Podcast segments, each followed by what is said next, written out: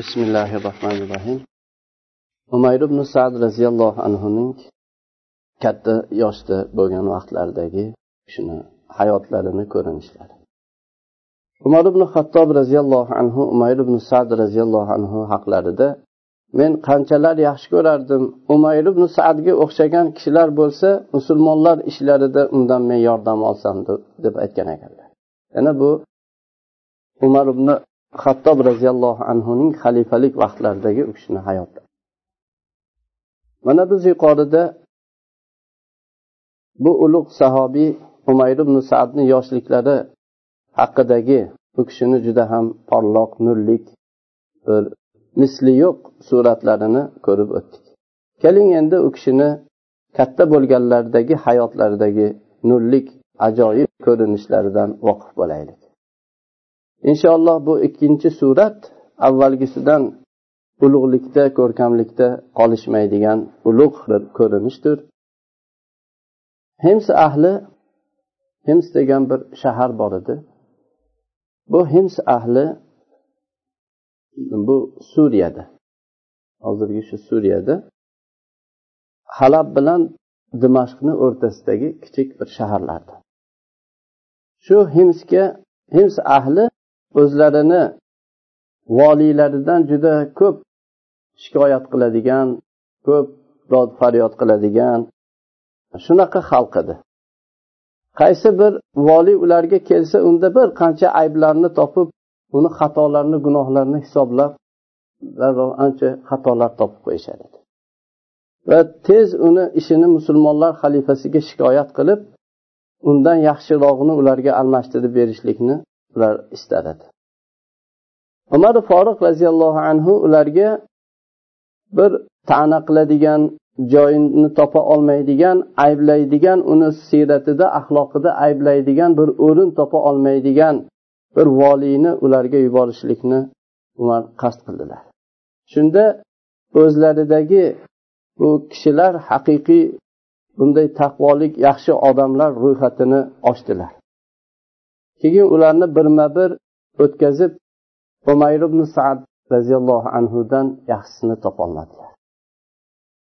Umayr o'sha vaqtda shom shaharlarida ollohni yo'lidagi jangga chiqqan askarlarga bosh edilar. U kishi shaharlarni ozod qilib qal'alarni bosib olib qabilalarni islomga bo'ysundirib va bosib olgan yerlarida masjidlar qurib ana shunday fathlarni davom etib borardilar. Lekin bularga qaramasdan amirul mo'minin umar ibn xattob roziyallohu anhu u kishini chaqirib oldilar. Va u kishini shu hims viloyatiga u kishini ahd qildilar shu yerga borasan deb qattiq tayinladilar. U yerga jo'nab ketishlikni buyurdilar.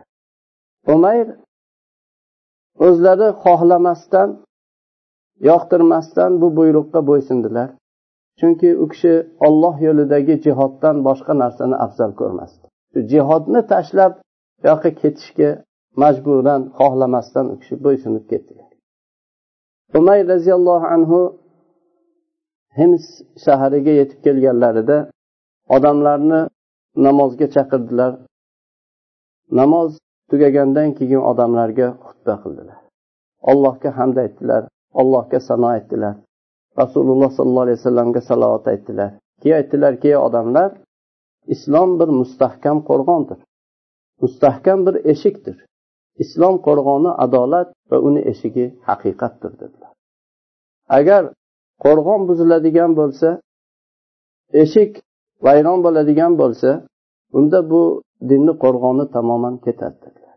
Ya'ni adolat bilan haqiqat qo'rg'oni adolat eshigi haqiqat bo'lsa bu eshik buzilsa qo'rg'on himoyasi buzilsa unda bu din himoyasiz qoladi. Agar sulton mahkam bo'lsa bu din himoyalanishlikda davom etadi dedilar. Ammo sultonni mahkam bo'lishligi u qamchi bilan urish qilich bilan qatl qilish emas adolat bilan hukm qilish va haqiqatni mahkam ushlashlik bilan bo'ladi dedilar. Keyin bu qisqa xutbalarda o'zlariga loyihalab olgan o'zlariga chizib olgan bu rejalarini bu planlarni bajarishlik uchun amal qilishlikka qarab kirishib ketdilar ya'ni bu o'zlariga o'zlari shu yerda ya'ni haqni ushlab adolat bilan hukm qilishlik yo'liga u kishi kirishib ketdi. Umayr ibn sad bir yil to'la bir yil himsda voliy bo'lib qoldilar. Bu vaqt davomida amirul mo'mininga biror xat yozmadilar. Musulmonlar baytul moliga g'animatlardan biror dirham biror dinor yubormadilar. Shunda umar ibn hattob roziyallohu anhuni shak ikkilanish yana har xil gumonlar kela boshladi. Chunki umar roziyallohu anhu o'zlarini shu yuborgan voliylariga amirlik fitnalaridan qo'rqar edilar u kishi ollohni rasuli sollallohu alayhi vasallamdan boshqa ma'sum emasligini yaxshi biladilar shunda kotiblariga umar buyurib aytdilarki umayr ibn sadga xat yoz unga aytginki bu amirul mo'mininni xati kelgan zamon himsni tark etib amirni oldiga keling deb yozgin dedi. Va shu musulmonlarni o'ljalaridan yiqqan narsalarni ham olib kelsin dedi deb xat yozdirdilar. Umayr ibn sad umar ibn hattob roziyallohu anhuni xatlarini olgan zahoti o'zlarini bir ozuqa oladigan xaltalarni oldilar. Uni yelkalariga tashlab buni ichida bir tahorat qiladigan idishlari meshlari bor ediyu ovqat yeydigan kirpir yuvadigan yana bir idish bor edi. Keyin bir qo'llariga nayzalarni ushlab yo'lga tushdilar. Himsni orqalarida qoldirib butun amirlik hammasi qoldi. Tez shu piyoda madinaga qarab jo'nadilar. Umayr madinaga yetib borganlarida ranglari o'chib jismlari ozib sochlari o'sib ketgan edi. U kishida safarni mashaqqati juda ham ko'rinib charchab shunday toliqib yetib borgan edilar umay roziyallohu anhu umar ibn hattob roziyallohu anhuni oldilariga kirgan vaqtda umar foruq umay roziyallohu anhuni ahvollarini ko'rib qo'rqib ketdilar. Aytdilarki ey umayr senga nima bo'ldi? dedilar. Ya amiral mo'minin menga hech narsa bo'lgani yo'q. Men alhamdulillah sahih ofiyatdaman dedilar. Alhamdulillah yaxshiman dedilar. O'zim bilan butun dunyoyimni hammasini o'zim bilan birga ko'tarib ikki shoxidan sudrab olib keldim dedilar. Shunda umar sen bilan nima dunyoying bor? dedilar. Ya'ni baytul molga bir narsalar olib kelgan bo'lsa kerak deb gumon qilardilar. Aytdilarki menda mana bu bir xaltam bor bunga ozuqalar shu yo'lda yeydigan narsalarimni solib olgan edim dedilar.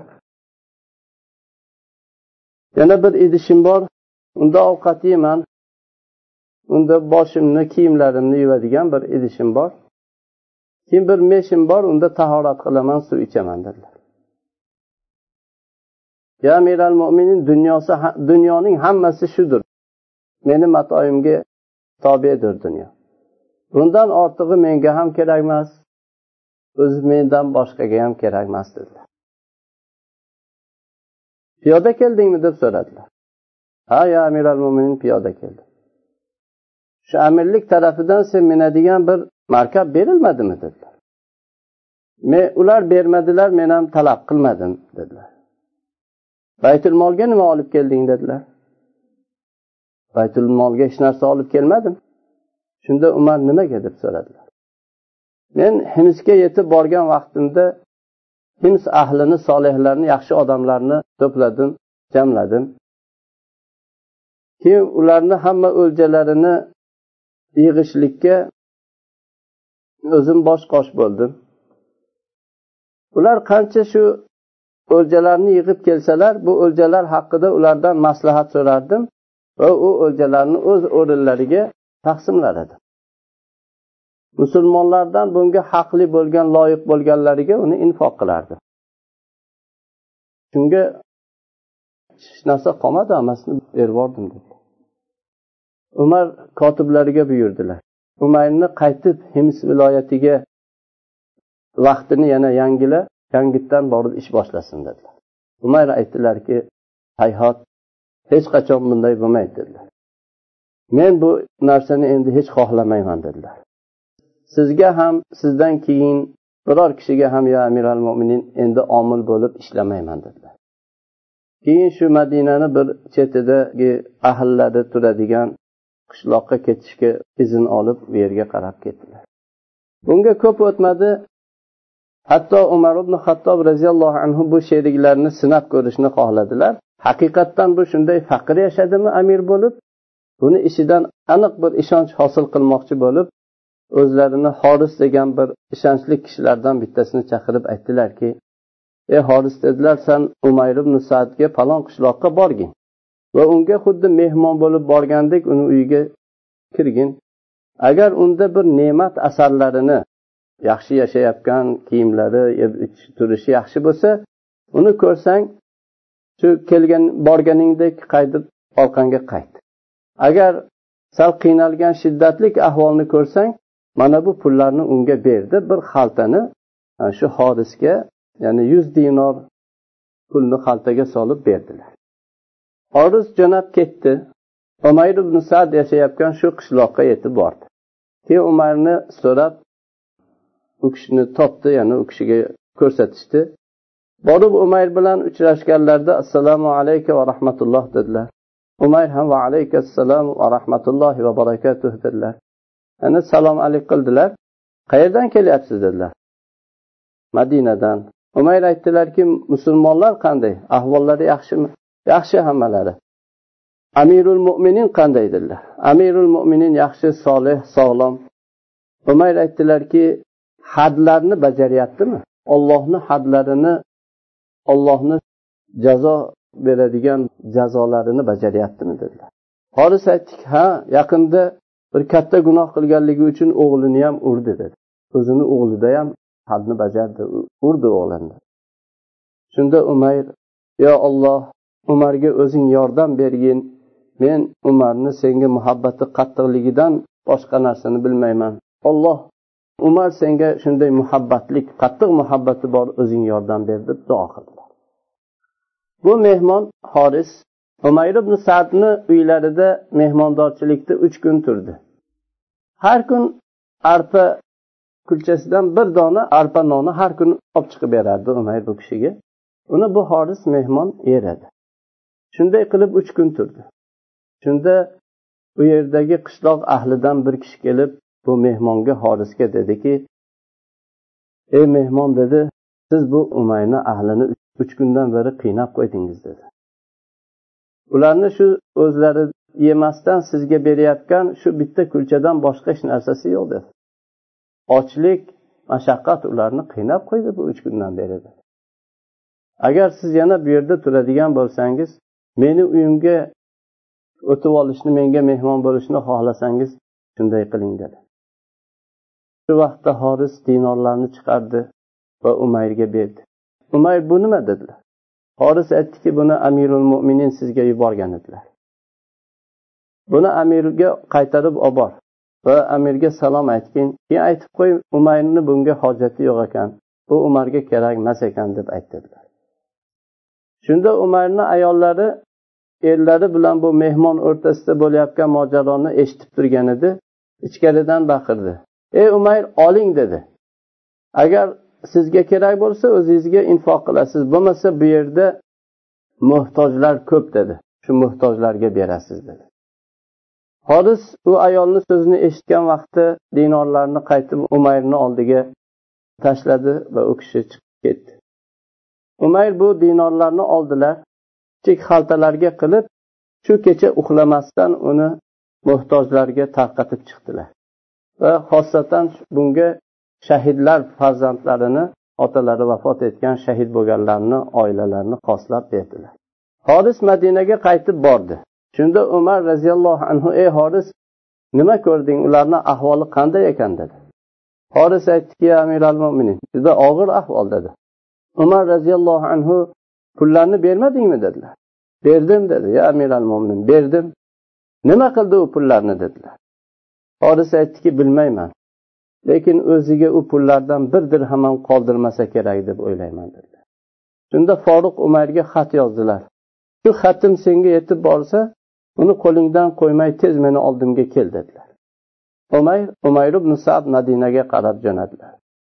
Amirul mo'mininni oldilariga kirdilar. Umar uni yaxshi olqishlar aytib kutib oldilar va o'zlariga yaqin o'zlarini majlislariga o'tkazib aytdilarki ey umayr men yuborgan dinorlarni nima qilding dedilar. Shunda ya amir al mo'minin bu chiqarib menga bergandan keyin endi uni nima qilasiz nima qilganimni? Sizga uni nima kerak bor shunda umar aytdilarki qilgan ishingni menga xabar berishingni men qasd qilgan edim. Shuni xabar bermasang bo'lmaydi dedilar. Umar uni mol dunyo foyda bermaydigan bolalar foyda bermaydigan oldi sottisi bo'lmagan kunda undan foydalanishlik uchun o'zimga zaxira qilib olib qo'ydim. Shunda umar roziyallohu anhu buni tushundilar. Umar yig'ladilar. Aytdilarki men guvohlik beramanki sen o'zlarida ehtiyoj bo'lsa ham boshqalarni o'zlaridan afzal ko'rgan kishilardansan dedilar. Keyin bir qopda taom buyurdilar taom olib chiqib beringlar deb va ikkita kiyim ham olib chiqib berdilar. Umayr aytdilarki ammo taomni menga keragi yo'q ya amiral mo'min men ahlimni bola chaqamni oldida ikki hovuch arpa qoldirib kelganman. Ikki hovuch arpamiz bor. Biz uni to yegunimizgacha alloh azza va jalla bizga yana boshqa rizqimizni keltirgan bo'ladi. Ammo mana bu ikkita kiyimni olaman. Chunki ayolim umi falon dedilar ayolim ayolimga olaman dedilar. Uni kiyimi juda eskirib kiyimlik vazifasini bajarolmaydigan bo'lib qolgan. Kiyimi yo'qqa o'xshab qolgan. Shunga bu kiyimlarni olaman. Ya'ni himsda hozir himsdagi shaharni voliysi bo'lib qaytgan kishining ayollari shunaqa holatda ekan bu vaqtga ko'p o'tmadi. Bu ikkita sahobiyni uchrashuvlariga ko'p vaqt o'tmadi. Alloh subhanava taolo umayr ibn sadni o'zini payg'ambari sollallohu alayhi vasallamga yetib olishlarini va u kishini ko'z quvonchi bo'lgan muhammad ibn abdulloh sollallohu alayhi vasallamni yonlarida bo'lishlikka olloh izn berdi. Bu zotni rasul sollallohu alayhi vasallamga yo'liqishlikka shavqlari zavqlari ko'p vaqtdan beri bo'lgandan keyin olloh izn berdi.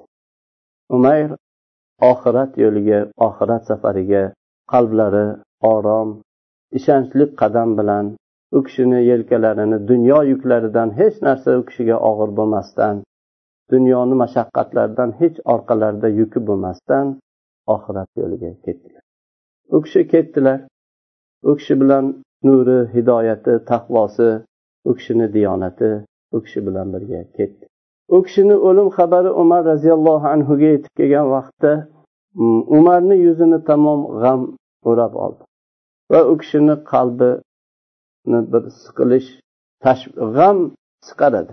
Aytardilarki men qanchalar yaxshi ko'rardim umayr ibn sadga o'xshagan bir qancha kishilar bo'lsa men musulmonlar ishlarida ulardan yordam olardim dedilar. Alloh taolo umayr ibn saaddan rozi bo'lsin va alloh u kishini rozi qilsin. Sahobiylar ichida nodir mislsiz bir tarzda bo'lgan kishilar edilar.